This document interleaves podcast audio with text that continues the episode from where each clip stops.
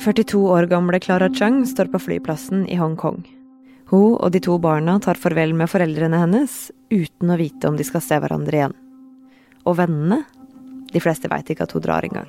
Yeah, so leaving uh, goodbye, I think was the hardest. Clara er en av rundt 90 000 som de siste åra har reist ut av Hongkong med en enveisbillett. Og nå kjemper hun og de andre aktivistene videre fra utlandet. Du hører på Forklart fra Aftenposten. Jeg heter Anne Lindholm, og i dag er det mandag 31. januar.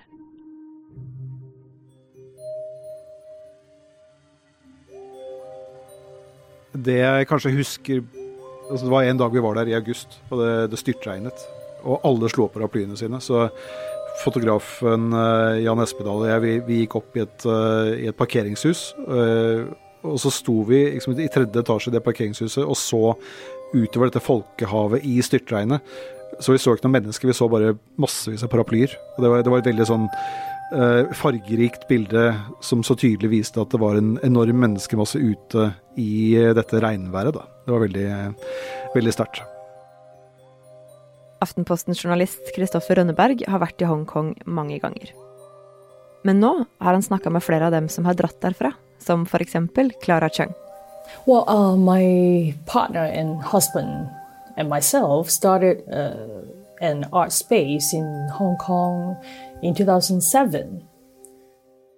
Clara Chung hun er en eh, kunstner, veldig engasjert, eh, opptatt av ytringsfrihet. Um, I Hongkong så drev hun et, eh, et galleri, og hun drev også en del med liksom, performancekunst og en del visuell kunst. Back then we wanted to set up a physical space and platform um, for visual artists in Hong Kong to use their art language to respond to current issues, social issues noe av det hun er veldig opptatt av, det er eh, identitet og hva det betyr for henne å være hongkonger, eh, som da er forskjellig fra det å, å være kineser.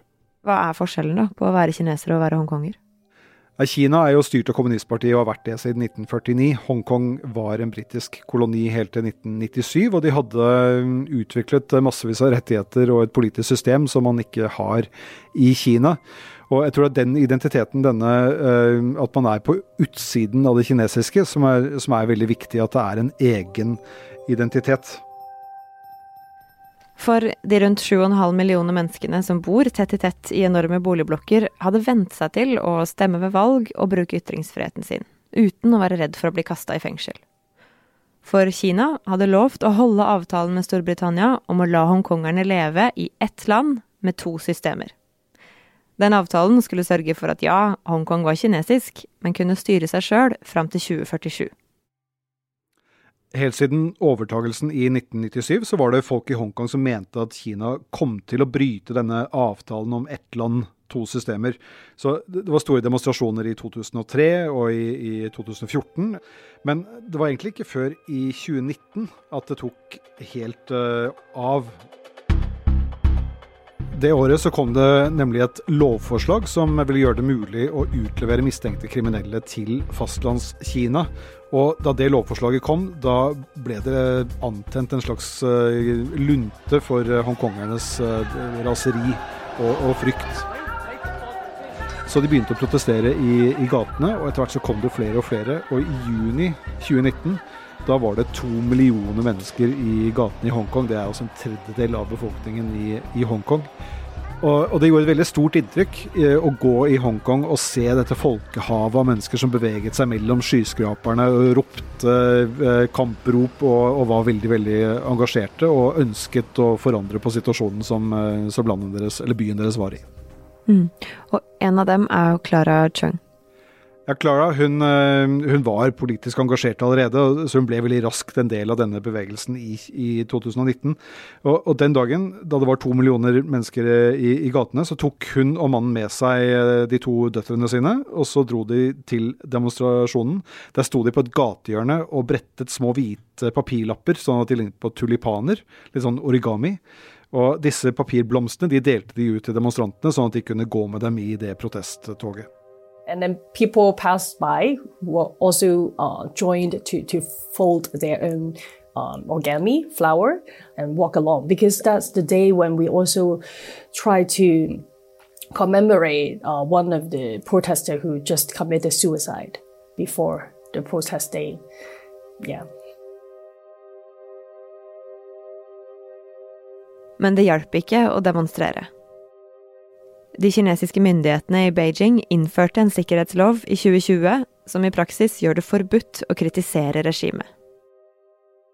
Og Klara skjønner at hun må rømme.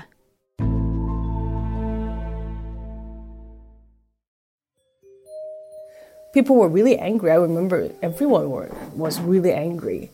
And I think it's sort of unbelievable. At the very beginning, it, it seems really unbelievable. Like, uh, for us, we, we didn't expect something like this would happen in Hong Kong.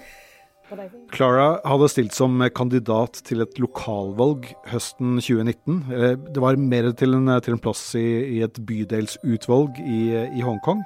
Og det valget det vant hun over en, en Beijing-lojalist, og det ble sett på som en ganske stor seier for, for, demokratibevegelsen. Og etter det så satt hun da altså i det lokale bydelsutvalget eh, i denne lille fliken av, av Hongkong, og var politiker. Og Dermed så sto hun også i fare for å bli arrestert, eh, noe mange ble på, på nyåret i, i, 2021. Så var det flere lokalpolitikere som ble arrestert, og da kjente hun at hun, hun, levde litt farlig. Og Det presset det ble bare større og større, og sommeren i fjor, 2021, så fant hun ut at uh, hun ikke turte å bli der lenger. Hun måtte flykte før myndighetene kom og kastet henne i fengsel. I The, I think the most difficult part was that I would not dare to publicly announce to too many people that I was leaving.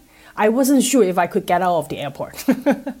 um, yeah, so leaving uh, without saying goodbye, I think was the hardest. But then, yeah, so at the airport, I we were quiet and we tried to be really low key, nothing much, really just immediate family, like like parents-in-laws, they, they were here. They were there at the airport to, to, to say goodbye. That's it. Simple. Og Clara Chung er jo ikke aleine eh, om å ha dratt nesten tre millioner hongkongere født før 1997, har rett til det her britiske passet, og mange av dem har dratt nå. Du har snakka med flere av dem. Hva er det de forteller?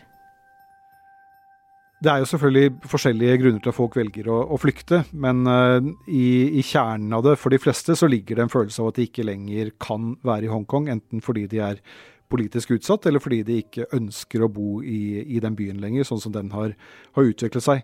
Og, og, de fleste av de som har dratt, det er jo ressurssterke folk som har råd til å dra, og som også er redde for hva som kan skje. Så det er jo en interessant gruppe som nå starter et nytt liv på, på andre siden av, av jorda. En av dem som har eh, flyktet, er eh, Nathan Law. Han er eh, en av de mest berømte aktivistene i, Hongkong, og, og har bl.a. sittet flere ganger i fengsel allerede. Nå bor han i London og prøver å lede denne um, protestbevegelsen i eksil fra, fra, Storbritannia. En annen jeg har snakket med, heter Simon Chung. Han jobbet for det britiske konsulatet i, i Hongkong i 2019. Eh, og ble kidnappet rett og slett, og sendt til et fengsel i fastlandskina, der han uh, sier at han ble torturert i to uker. Blant annet så fikk han, uh, han fikk juling, han ble lenket fast i en såkalt tigerstol, der han måtte sitte lenge i en ubehagelig stilling, og så nektet de å la, la ham sove. Og da de slapp ham fri, så måtte han rett og slett bare flykte fra, fra Hongkong. Mm, og kampen er jo ikke over for noen av dem. hva er det de her Nathan Law, Simon Chung og Clara Chung gjør fra, fra Storbritannia? Ja, de, de, angriper dette fra litt uh, ulike uh, ståsteder, fordi de har ulike bakgrunner. Så noen av dem tar liksom et grasrotansvar, sånn som Simon Chung. Han, han føler et behov for å, for å, gjøre det på bakken, liksom ta enkeltindivider og se hva man kan gjøre på den måten. Nathan Law er mer på det politiske sporet, snakker med, med politikere, reiser rundt til parlamenter i Europa og, og skriver bok. Uh, Clara hun uh, er jo kunstner og prøver å uttrykke seg på den måten. Så jeg, jeg har inntrykk av at alle de jeg har snakket med, føler på et slags ansvar fordi de har kommet seg ut av Hongkong. De bor nå på steder hvor de, hvor de har ytringsfrihet og føler at de, at de må bruke den. Jeg, jeg, tror de tenker at det er ekstra viktig nå at de som er i trygghet i utlandet, skal fortsette den, den kampen de begynte på for noen år siden. Men Kristoffer, det er jo ikke bare bare å drive aktivisme fra utlandet, sånn som Nathan Law og Simon Chung gjør. Åssen løser de det? Det er veldig stor forskjell på hvilken mulighet eh, de som har flyktet har til å kommunisere med, med, med familien. Så tar eh, Nathan Law og Simon Chung f.eks., så er begge to etterlyst av myndighetene i Hongkong. Og Derfor så må de være veldig oppmerksomme på hva de foretar seg i eksil. og Det betyr bl.a. at de ikke kan kontakte familiene sine, fordi de er redde for at myndighetene skal straffe altså familiemedlemmene for den kontakten. Og dette er jo to unge menn altså i, i 20-30-årene, så det er, det er, klart det er mye å ofre å ikke kunne ringe hjem til mor og far, og spesielt når de ikke vet hvor lenge de skal ha det sånn. Så er det andre som har flyktet, men som eh, fortsatt kan eh, snakke med de som er igjen i Hongkong. Og, og det gjelder jo f.eks. Clara i, i, Sheffield. Men også hun må være forsiktig med hva hun sier, og hvem hun sier det til. Well, I still would would uh, do online chat with my family and friends. For example, if I only text message my friends, I would not, yeah, have too many like political opinions. Over the, the text messages. But when we are on, having online chat with like a secure channel, um, then I, we would we still would talk freely. Yeah. Men hvordan er situasjonen i Hongkong nå, da, for de som er igjen? Det er et ganske dystert bilde. Er, når jeg snakker med, med aktivistene, så, så, er det veldig lite optimisme å, å spore. Nå, nå, i vinter så forsvant to av de siste frie, nettavisene i byen. Og den nye nasjonalforsamlingen som ble samlet nå, nå, i vinter, består nesten utelukkende av folk som er lojale til, til Beijing-myndighetene. Så det er veldig lite igjen av dette ett land, to systemer. Nå er Hongkong rett og slett ett land, ett system. Hvorfor blir de som er der, hvorfor blir de igjen?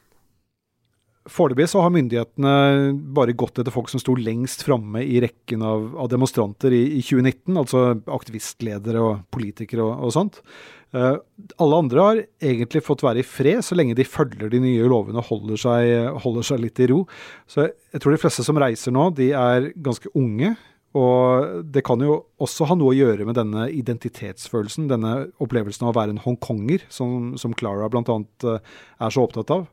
Eh, dette er folk som, eh, folk som har vært unge i den perioden etter overtagelsen. Eh, de som var voksne den gangen, i 1997, da, da britene ga fra seg Hongkong til, til Kina, de opplevde jo Hongkong som en koloni. De var kanskje ikke så opptatt av dette med Hongkong-identiteten. Så de aksepterer kanskje lettere også at de nå er underlagt en slags ny kolonimakt. Mens disse unge, de, de føler kanskje i større grad at de har mistet noe essensielt. da. Mm.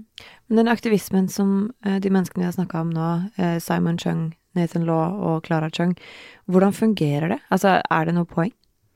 Det er jo litt tidlig å si, fordi de har ikke vært i eksil så lenge. Og, og, som regel så mister jo uh, aktivister mye innflytelse når de, når de, velger å dra.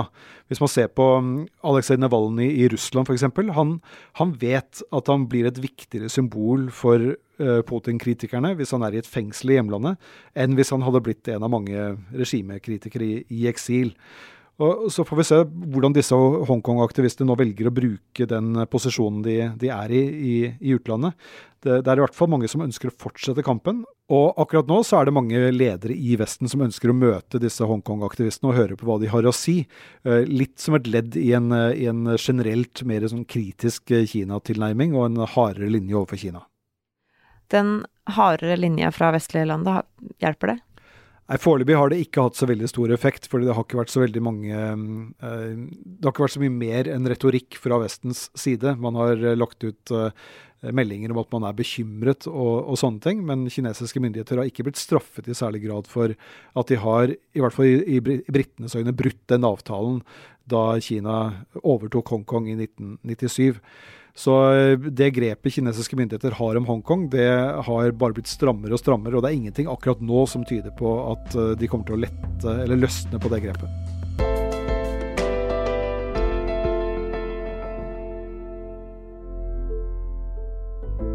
I denne episoden så var det Aftenpostens journalist og av og til forklart programleder Kristoffer Rønneberg som fortalte om Hongkong.